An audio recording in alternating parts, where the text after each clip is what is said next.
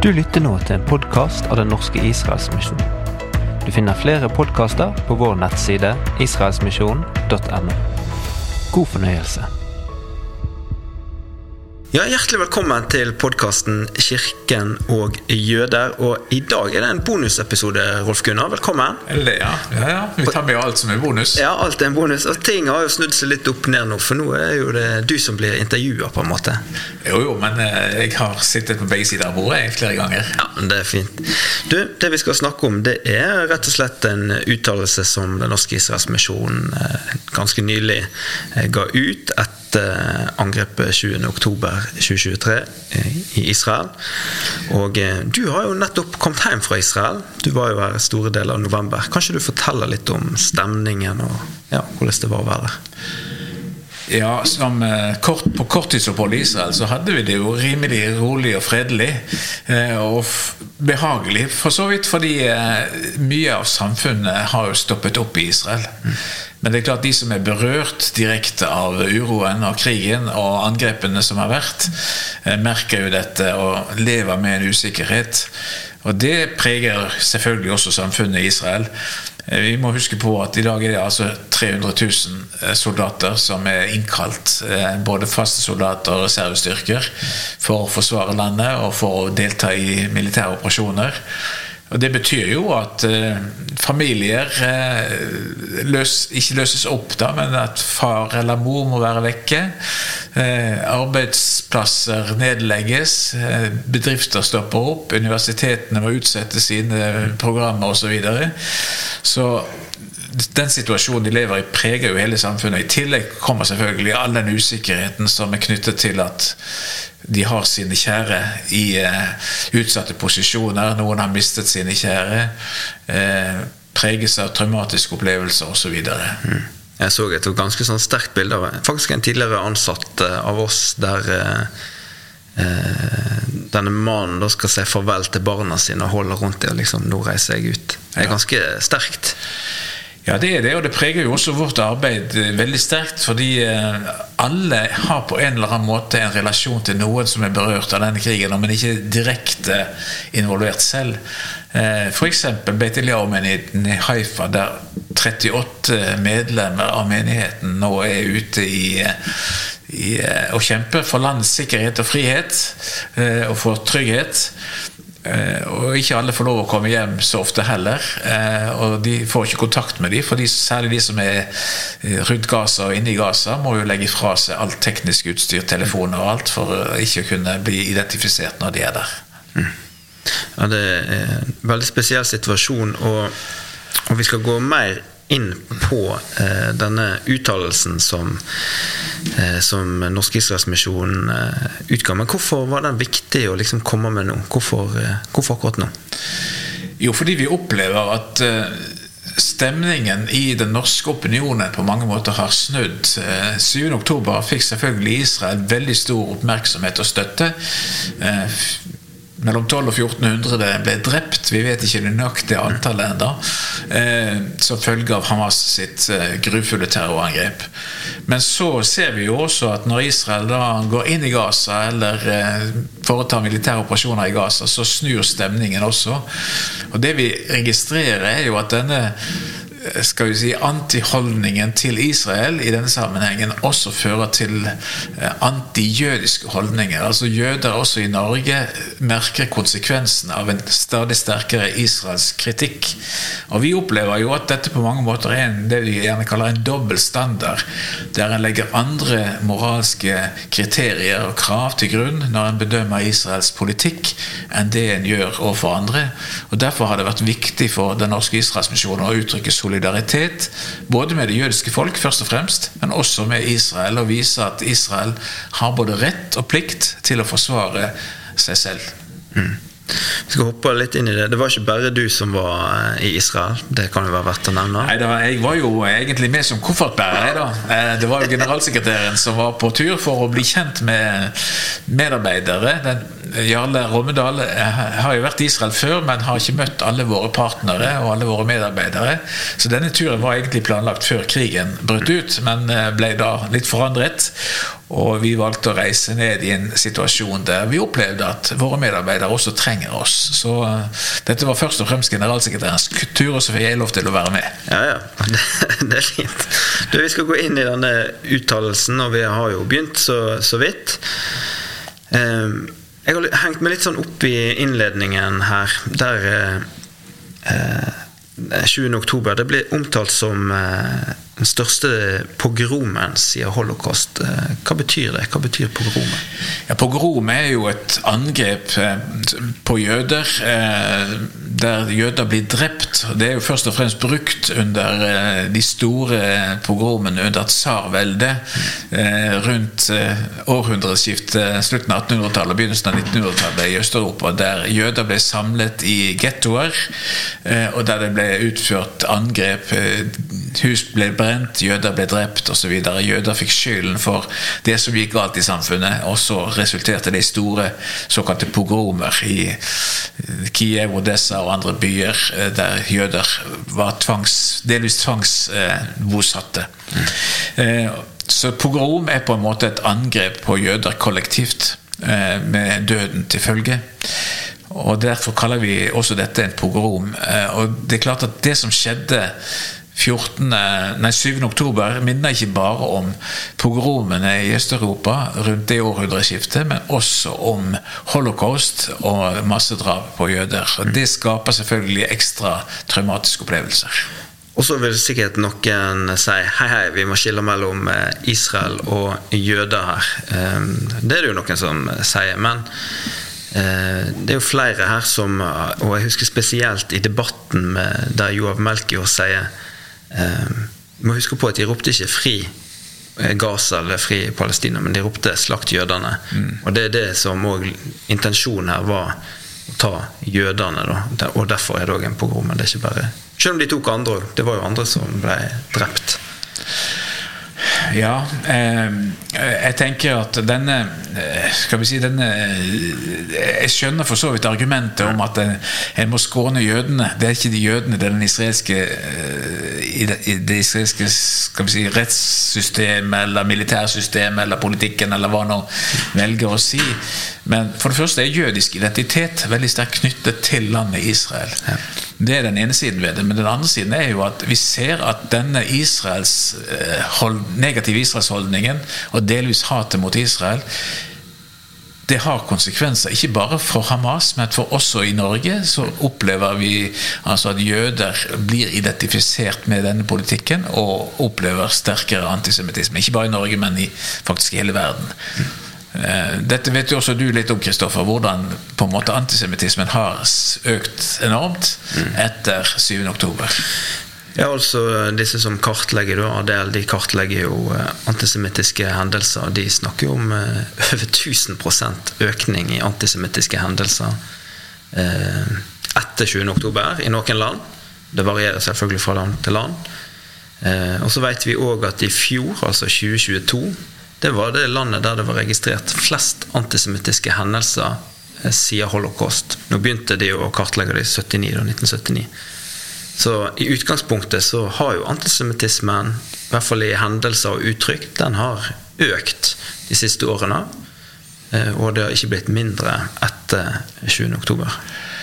Nei, jo, det er klart at det, Denne negative Israelskritikken som vi opplever, og som er Hvis vi skal snakke om manglende proporsjonalitet, så er det jo kanskje først og fremst det vi opplever. ikke sant? Når f.eks. en av lederne i, i, Rødt i Norge karakteriserer Israel som et av de verste terrorregimene i verden, mm. så er det en urimelighet som, eh, ikke, som mangler sidestykke. Mm. Israel er et demokrati. Eh, det reises intern kritikk mot regimet. Eh, og det er ulike, rom for ulike meninger og holdninger, i motsetning til det vi opplever i nabolandene. Eh, så jeg tenker jo at denne doble standarden som en opplever her, vil jo bli karakterisere også EU som antisemittisme. Mm. Selvfølgelig ingen som liker å ha den merkelappen hengende på seg, men vi må våge å si det, bruke de ordene også om dette. Ja, jeg tror det. Altså, Antisemittismen den finner vi overalt. Jeg har jo bare lyst til å si en ting òg, fordi at jeg eh, Vi følger jo med en del på nyhetene hjemme hos oss. Det er på en måte, det det vi rekker å se på TV som småbarnsforeldre. Eh, og vi har sett på norske og tyske nyheter, og det er veldig ulikt dekka, altså. Eh, et eksempel nå er jo tyske og norske nyheter i utgangspunktet ganske ulike, og det, det er veldig sånn eh, fakta og, og nøkternt på en måte i måten det fremstilles. Men du ser det i hele samfunnet hvor bevisst de er på antisemittisme. Så når denne karnevalfestivalen starta nå i høst, så eh, var ordføreren først der. Men så tok hun med seg nyhetsteamet til synagogen for hun ville markere at det skulle være trygt å være jøde i Köln. Det som hun var.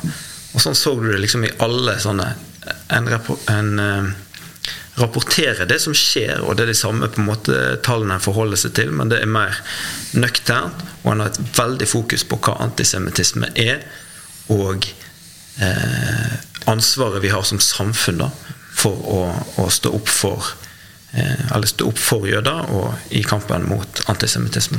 Det er klart det ligger et veldig ansvar på, på politikere her. og eh, Vi hørte jo også det når vi gjør Israel en skuffelse over norsk eh, stemmegivning i FN bl.a. Mm.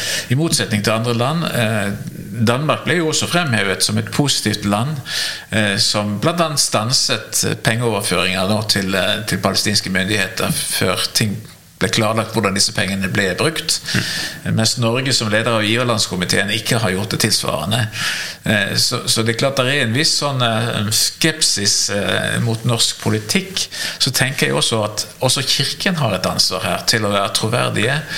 Og det merkes nok også i Israel, og også i det jødiske miljøet i Norge, at, at Kirken ofte ensidig taler palestinernes sak og viser liten solidaritet med det jødiske folk, selv om en altså, som vi var inne på, kan si at det skal ikke ramme jødene i Norge, det som skjer i Israel, så er det en sammenheng her som Kirken er nødt også til å forholde seg til. Og Det vekker jo et veldig eh, viktig spørsmål, tenker jeg. For det er jo hvordan skal vi som kristne, som kirke, eh, hvordan skal vi eh, forholde oss til denne situasjonen her? Hva, hva, hva skal vi gjøre? Ja, For det første må vi jo eh, si at Israel har både rett og plikt til å forsvare seg mot angrep. Mm. Eh, og så må vi prøve å søke fakta. Eh, hva er det som egentlig skjer? Eh, og ikke hive oss på alle de versjonene som kommer, bl.a. fra Gaza. Eh, F.eks. noe av det som har blitt reagert på, var jo når, når det ramlet en bombe ned i forgården til, eller i, på gårdsplassen til et av disse sykehusene, og Israel umiddelbart fikk skyld for det, til tross for at israelske myndigheter hadde bevis på at det ikke var de som Mm. som hadde avfyrt den raketten, men at det var en feillanding fra fra, eh, fra Gaza. Mm.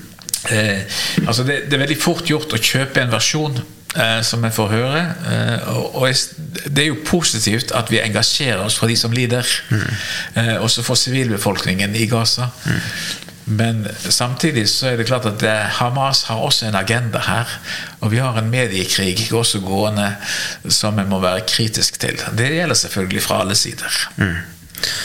Skal, det er så mange ting vi kan snakke om, Rolf Gunnar. Men jeg tenkte en av de eh, eh Jeg er fremdeles i innledningen, og der tenkte jeg på én ting. Der det står at eh, Den norske Israels, Israelsmisjonen er ingen politisk organisasjon. Men at vår egen historie har lært at vi kan ikke velge å ikke forholde oss til realitetene som omgir oss. Hva betyr det? Ja, Det betyr at vi går ikke inn og gir politiske råd på hva, hvilke veivalg en skal gjøre, eller tar partipolitiske standpunkt for den ene part eller mot den andre part. Eh, sånn sett er vi upolitiske. Eh, men vi, kan ikke være apolitiske. altså Vi kan ikke la oss eh, melde oss helt ut av den debatten som går i, i samfunnet. Det er en del, særlig kanskje på luthersk hold, som tolke den såkalte toregimentslæren på en sånn måte at vi skal ikke blande oss inn i det politiske overhodet. Mm. Men, men, det er en misforstått toregimentslære, for Gud er herre over både det politiske og det kirkelige. Og Derfor er det viktig for oss som organisasjon også å ha et moralsk kompass, et av de uttrykkene som er blitt brukt, når vi skal se på den situasjonen vi befinner oss i. Og Det betyr jo også at Den norske Israelsmisjonen har verken skal vi si, noen blanko garanti til den israelske regjering, eller eh, og kan også være kritiske til avgjørelser når vi ser at det bryter mot de etiske prinsipper som vi, vi følger. Eh, så Sånn sett eh, tenker jeg at, at, det er legitimt for oss å ha meninger også om det som skjer ut ifra en etisk standard som vi ønsker å følge, uten at vi dermed skal gå inn og foreskrive hva som er den enkelte løsning. Mm. Og når vi da viser til at uh, vår egen historie har vist, så er det mellomkrigstida vi sikter til? Ja, det er jo det. Fordi det er klart at vi i den perioden uh, også karakteriserte jøder og jødedom uh, på en måte som, som, vi i dag må ta sterk avstand fra. Mm. Vi var med på å opprettholde typiske antisemittiske stereotypier om jøder og jødedom. Mm. Jeg tenker det, det, er viktig for oss å være troverdige og sanne når vi også omtaler andre. Mm. Enten det nå er den palestinske befolkning, palestinske organisasjoner, eller det er jødedom og Israel. Mm. Ja, og Historiker og forsker Øyvind Kopperud han sier jo i en annen av episodene her at kirka den har et spesielt ansvar fordi den har noen svinn på skogen som andre ikke har. Og det, det tar vi inn over oss og, og tar med oss i, i det her. La oss gå til det første punktet. Rolf Gunnar, Det syns jeg er et veldig eh, sterkt og viktig eh, punkt. Og det er kanskje ikke helt tilfeldig at det er det vi starter med? eller? Ja, du tenker på dette med eh, at, eh, at alle er skapt i Guds bilde. Mm. At vi alle har samme verdi. Mm. Ja, det er viktig å understreke, tenker jeg. At, eh, altså det at jøden er Guds utvalgte folk, betyr ikke at de står i en uh, Skal vi si har andre egenskaper eller kvaliteter, eller skal bedømmes ut fra andre standarder enn andre. For Det er en gammel sånn forestilling som jeg, jeg har sett det nå òg i, i, media, at liksom de utvalgte folk de er mye bedre enn men, men, det er jo ikke noe Det er ikke sånn det forstås. Nei, du kan si at Det brukes jo både for å, for å liksom eh, angripe jøder, mm. men det brukes også for å forsvare jødiske handlinger eller israelske handlinger eller jødiske handlinger som, som, vi kanskje ikke bør forsvare. Mm. Så kan, du kan si det kan brukes begge veier. Men jeg tenker jødene selv er jo veldig opptatt av hva det vil si å være utvalgt. Det betyr ikke å ha privilegier, men det betyr en forpliktelse et ansvar som jøder selv er bevisst på, eller i hvert fall jødedommen er bevisst på. Eh, at det å være utvalgt betyr et ansvar også overfor verden. Jeg syns det er veldig bra. Eh, et godt punkt, og det legger på en måte grunnlaget i det her. Eh, alle mennesker skapte Guds bilde og derfor samme verdi, uavhengig av rase, nasjonalitet, kultur eller tro. Det er en veldig god eh, start. Det var en jødisk professor som sa det slik til oss prester en gang, husker jeg, at vi jøder er ikke utvalgt mot verden, men for verden. Mm. Det er vår forpliktelse. Mm. Og det innebærer også lidelse. Mm. Det har det jødiske folk erfart. Absolutt. Og så eh, er det mye vi kunne hengt oss opp i, og, sånn, men vi har òg eh, Jeg tror vi hopper til tredje eh, punkt her. Rett til å eksistere. Jeg bare leser litt, og så kan vi kommentere litt. Vi ønsker å understreke at staten Israel har rett til å eksistere. Den drastiske Økningen av antisemittiske hendelser etter angrepet 7.10 er en påminnelse om behovet for et eget land, hvor jøder er garantert å kunne leve ut sin tro og identitet uten frykt for egen sikkerhet. Hvorfor er det viktig å si at eh, landet har rett til å eksistere? Ja, nå er det noen som sier at landet Israel ble liksom eh, etablert pga. dårlig samvittighet i Europa. Det er nok eh, bare en del av sannheten. Eh, Israels opprettelse hang nok sammenheng med den jødiske lidelsen under holocaust. Men det var samtidig bestemt lenge før den tid at jødene trengte et hjemland. Og det ble arbeidet for det, ikke bare blant jøder, men også av verdenssamfunnet. Eh, jøder hadde vært på flukt fra landet sitt eh, i 2000 år. Eh, mot eller med sin vilje, alt etter som. og ønsket å samles i et land. Og så er jo det eneste folket som faktisk kan samles og komme tilbake igjen etter så lang tid, at de har bevart en egen identitet rundt omkring i verden. Så, så, det har vært viktig for jødene å ha dette tilknytningspunktet. Og så er også den jødiske tro, altså det vi kaller rabbinsk jødedom, knyttet også til landet på mange måter. Altså Hele deres liturgi, deres liv, deres tro har røtter i dette landet. Eh, de har alltid lengtet tilbake igjen til Sion, der tempelet sto. Eh, så Sånn sett har det vært viktig også å forsvare Israel, både teologisk, men også, eh, også historisk, deres rettigheter. Ja, her er, det, her er det sikkert mange eh, ting en kunne ta tak i. Men jeg har notert meg Jeg har lagt merke til et par sånne begrep som blir brukt her, som vi kan snakke litt om. Og det er jo sionisme og sionistiske og kristensionister og alt mulig. At, at det, liksom, det er en slags sånn idé om at eh, opprettelsen av Israel det er bare en sånn eh, ny kolonialisme på en måte som, som dukker opp her.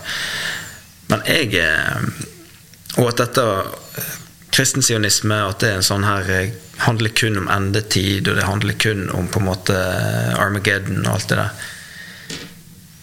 Men, men er, det, er, det, en kristen måte å se det på? Altså, hvorfor er Israel og landområdet da viktig for eh, kristne?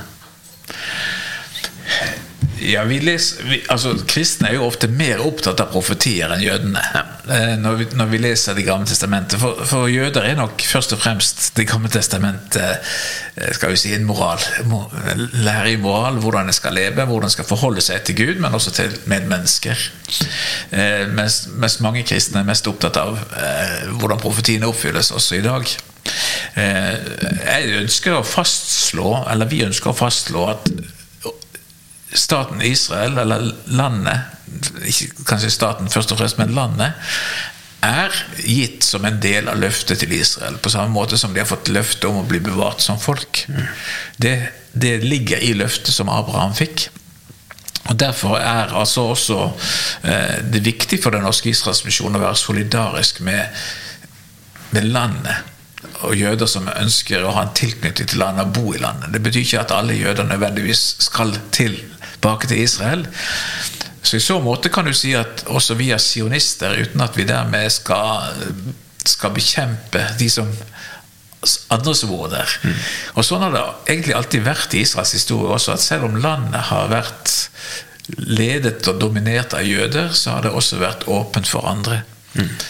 Det er det nok mange som er opptatt av i Israel også. At selv om Israel er et vi kan kalle det et jødisk land, så er ikke det eksklusivt. I dag bor det jo også mange arabere i Israel. Så når vi fordømmer Israel, så fordømmer vi samtidig også en del arabere. Eh, det må vi være klar over. Det er interessant å legge merke til, og det, det så vi nå når vi var i Israel, at støtten til staten Israel i den arabiske befolkning har økt sterkt etter 7.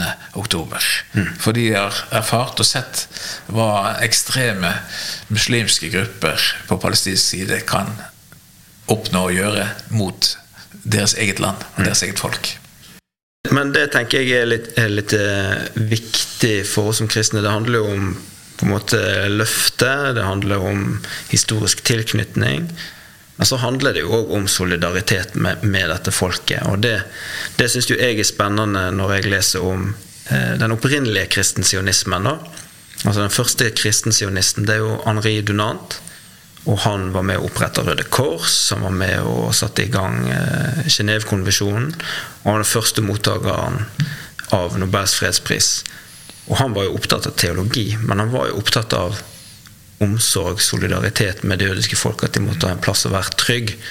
Og det forsvinner ofte, syns jeg, når en snakker om sionisme, og når en snakker om kristen sionisme, og den uttalelsen som bispemøtet hadde i 2020, tror jeg det var. Den går glipp av hele den eh, solidaritet og historiske eh, på en måte grunntanken i, i kristen sionisme. da. Ja da, og så er det viktig hva, hva, betyr solidaritet i den sammenhengen. Fordi det er klart det, det finnes en, en type kristen holdning til Israel eh, som eh, ikke nødvendigvis eh, er solidarisk med Israel, men er mer solidarisk med egne oppfatninger av hvordan ting skal være. Og Sånn sett kan det, kan det være grunn til å kritisere, men det er ikke det som er typisk norsk. Eh, og jeg tenker at denne skjelningen som noen biskoper gjorde mellom kristen sionist og kristen sionist uten bindestrek, den er fryktelig vanskelig å, å holde fast ved eller forstå. Ja. Eh, og så tenker jeg også litt på den aktuelle situasjonen. De som veldig sterkt nå kritiserer Israels eh, bombing og invasjon i Gaza. Hvilke alternativer har en da til Israels sikkerhet oppi dette? her? Hva skulle Israel gjøre? Skal de bare holde seg utenfor Gaza og vente på nye angrep og nye bomber? Eller har de en rett og plikt også til å fjerne den trusselen som Hamas i denne sammenheng representerer, og som har som mål å utslette Israel som jødisk nasjon? Og det er jo et kjempedilemma. eh, Også det her. Og vi viser til det òg i den uttalelsen i forhold til Hamas eh, charter fra 1988 og 2017. Men ikke minst de uttalelsene som noen av Hamas sine ledere har kommet med, at de vil gjenta 20.10 gang på gang på gang. Det, det føler jeg ikke at eh, på en måte det norske narrativet tar inn over seg. At- det liksom dukker opp i, i media eller i, i samtaler med Ola Nordmann. Så det er bra vi sier. Nei, jeg tror at jeg tenker eh, at den konflikten som er der nå, eh, handler stort sett bare om politikk og om Israels okkupasjon, som er det uttrykket som blir brukt, og som Hamas også bruker. Og da vil de norske ører selvfølgelig være Israels okkupasjon av de palestinske områdene, altså det vi kaller Vestbredden, eh, eller Israels blokade av Gaza, som ikke har vært ensidig. Altså den, for det første har jo også Egypt laget en blokade, og for det andre så har Israel sendt inn eh, I hele den perioden de har vært ute av Gaza, eh, medisinsk hjelp, eh, varer osv. Så, videre, så det har vært utveksling hele veien. og eh, Hamas-ledere og folk fra Gaza har fått hjelp på israelske sykehus. Så det har vært en åpenhet hele veien. Men, men, men det, denne religiøse dimensjonen den faller ofte bort i et sekulært norsk mediebilde. Eh, og vi tar ikke inn over oss det alvoret som ligger i den ideologien som Hamas representerer i denne sammenhengen. Vi skal bevege oss videre til femte punkt, og da der står jo mye, men jeg trekker fram det her. Sosiale medier oversvømmes av hets, hat og usannheter både om Israel og det jødiske folk. Slike ytringer er det all grunn til å være på vakt mot og ta avstand fra. Og eh, jeg har jo litt ansvar for sosiale medier i Den norske Israelsmisjonen, og vi la jo ut noen B for Israel sånn 20. oktober, nei, ja, 20. oktober, 8. oktober, 9. oktober.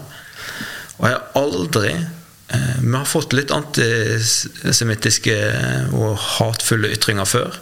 Men så intens som vi fikk på de der eh, med både eh, Hitler eh, Vi skal fullføre det Hitler gjorde, og eh, din jobb er å drepe først, og vi skal vise disse jødiske kristne. Alt det her dukket opp på noen poster der vi ber rett og slett folk om å be for situasjonen. Eh, hvordan opplever du eh, sosiale medier? Ja, nei, altså Nå skulle jo du og jeg skiftet rolle, egentlig. For det er du, du som har bedre greie på dette, Kristoffer, enn det jeg har. Følger kanskje mer med enn det jeg gjør. Men eh, nå er ikke jeg den som er akt, mest aktiv for sosiale medier. Eh, men, men jeg ser jo også at når jeg på en måte prøver å si noe eh, til fordel skal vi si, for, for Israel, så kommer det også reaksjoner blant mine Facebook-venner, f.eks. Eh, det ser jeg jo.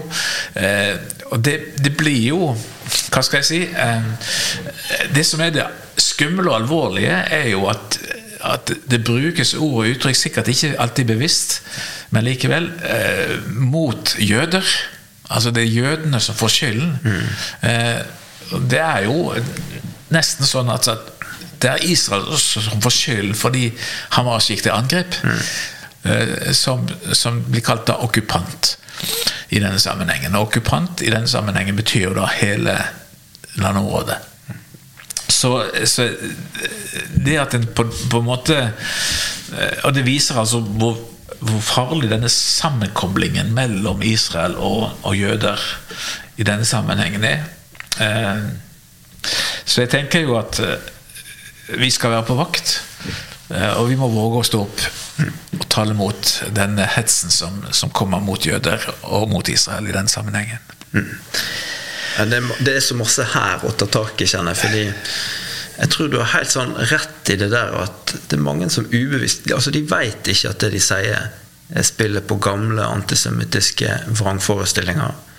Et veldig godt eksempel, syns jeg, det er denne medisinstudenten, norske medisinstudenten nede i Polen, som har denne eh, plakaten. Eh, og dette er jo et, dette er et veldig satt på spissen, men der er det sånn 'Keep the world clean', altså 'hold verden rein'. Og så er det et bossbarn, og inni bossbarnet er det ei davidsstjerne i blått, og så er det to streker, sånn at du skal kunne skjønne at det er flagget alle som kan noe om jødisk historie og jødisk liv, skjønner at dette er jo antisemittisme de luxe. Altså, det der er eh, Det er hatprat. Og så sier denne studenten eh, noe sånt som 'jeg elsker jøder og muslimer' osv. Og, så videre, og, og jeg tror det Det som bare slo meg når jeg leste det, var nei, nei du kan umulig kjenne en eneste jøde. Så hadde du kjent en jøde, så hadde du visst hvor hatfullt det der oppleves. Og det er en sånn gjenganger, eh, tror jeg. Det er ikke så mange jøder i Norge. Veldig få som kjenner jøder, men de tror at de eh, på en måte ikke har noen eh, fordommer eller antisemittiske holdninger til det. Men jo, det ligger faktisk i kulturen vår og i det eh, Ja, og litt i det bildet vi har av Israel og jøder og sånn. Og det dukker opp hele tida. Og en annen ting som liksom henger sammen med det, det er at på min Facebook og Instagram og sånn, det dukker opp så masse til støtte for Gaza og for alt mulig. Jeg har ikke sett én en eneste, bortsett fra de som har vært i Israel eller kjenner arbeidet vårt, eller ja. Men jeg har ikke sett en eneste av de andre si noe solidaritet for eh, Israel eller det jødiske folk. Bortsett fra kanskje en bitsetning hvis jeg har kommentert det. Og det, Jeg skjønner ikke at vi ikke ser den uh, biasen, da, eller den uh, ja, doble standarden. Mm. Jeg tror du har helt, helt rett. Eh, det kreves en, en, overvåkenhet og en bevissthet rundt dette. og Det forteller også noe om at det er viktig for oss å si noe og informere. og Ikke bare oss som sitter her i, i ledelsen av Israelsmisjonen, men at vi alle sammen kan være med og påvirke og eh, ta del i den debatten som pågår. I går var jeg og familien og så filmen 'Golda'. Altså ja. filmen om Golda Meir eh, og kampen rundt eh, Jom Kippur-krigen. Eh, og det er jo mange påfallende paralleller mellom det vi fikk få se i denne filmen, og det som skjer faktisk i våre dager. Det var et angrep på Israel som kom overraskende, selv om noen burde visst. Mm. Og det skjedde altså på Jom Kippur, eller avslutningen av løvehyttefesten. Eh, nei, ikke avslutningen av løvehyttefesten, eh, men Jom Kippur. Ja, og så Simcha Torah. Og, Simcha, og den, denne lovens gledesfest. Samtidig som eh, i, i, 1973, på samme dato nærmest som, som angrepet fra Hamas. Eh, det som også er påfallende her, er jo hvordan verden reagerer på dette. Eh, hvordan stormaktene spiller inn for å liksom bremse Israel fra å foreta seg noe. Eh, selv USA, som prøver å legge I hvert fall da for å beskytte sine egne interesser. Jeg tenker at det er viktig for oss, ubetinget, å gi en støtte til, at is, til Israels rett. Og så kan vi være uenige selvfølgelig i virkemidler, mm. men vi må forstå hvorfor Israel handler som de gjør for å bevare sin egen sikkerhet. Og jeg tenker at norsk, Nordmenn ville gjort akkurat det samme. Norge ville gjort akkurat det samme om vi ville blitt angrepet utenfra. Vi kunne ikke bare sittet stille og tatt imot angrepene. Vi må, måtte handle, og det er det Israel nå gjør. De har prøvd våpenhviler tidligere uten å lykkes. Eh, det har bare ført til opprustning i Gaza. Eh, og Derfor er nok Israel også i dag skeptisk til en våpenhvile før eh, denne trusselen er eliminert. Og så vet vi at det koster liv, dessverre. Også sivile liv. Både på israelsk og palestinsk side. Men, eh, men, vi må prøve å forstå Israel og Israels handlinger. og Det vis, tror jeg det er liten vilje til. og Derfor oppstår også disse tank, fordommene, eller eh, skal vi si lettvinte konklusjonene som vi ofte trekker. Mm. Helt til slutt, i denne uttalelsen, så kommer det en eh, rekke oppfordringer til kristne i Norge. Og da har jeg lyst til å spørre, eh, hva skal vi eh, kristne og som kirke i Norge, hva, hva skal vi gjøre? Ja, jeg tenker det er viktig for oss å holde oss oppdatert, informert. Og da ikke bare ta imot en ensidig informasjon. Det tenker jeg er viktig. Eh, så er det også viktig å ta til motmelde mot eh, disse fordommene og den antisemittismen som vi har vært inne på. Eh, og våge å stå opp og si at jødene trenger også fortsatt beskyttelse. Det er også viktig å tale sant om Hamas og deres ideologi som en trussel, ikke bare mot Israel, mot egen befolkning. Og vi hørte jo og ser også at selv i Gaza i dag så er det grupper eller mennesker som våger å ta til motmelde mot Hamas selv om det er livsfarlig. De risikerer døden.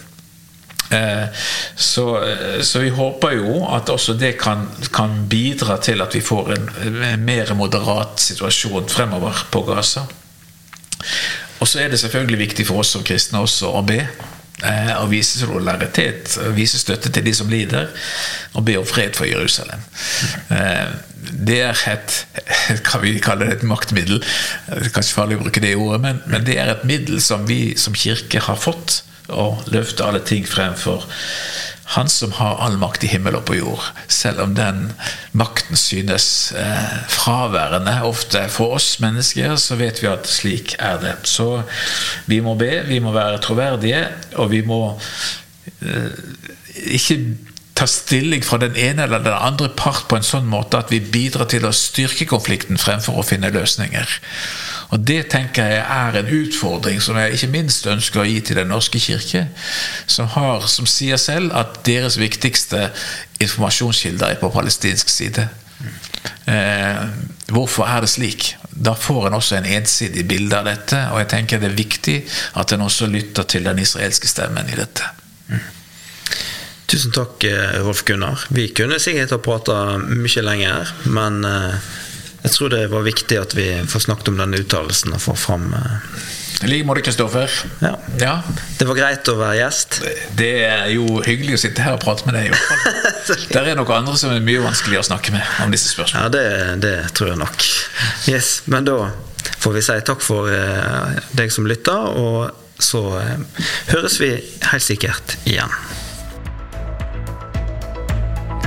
Du har hørt en podkast av Den norske Israelsmisjonen. For flere podkaster, video, nyheter og ressurser, besøk vår nettside israelsmisjonen.no. På gjensyn.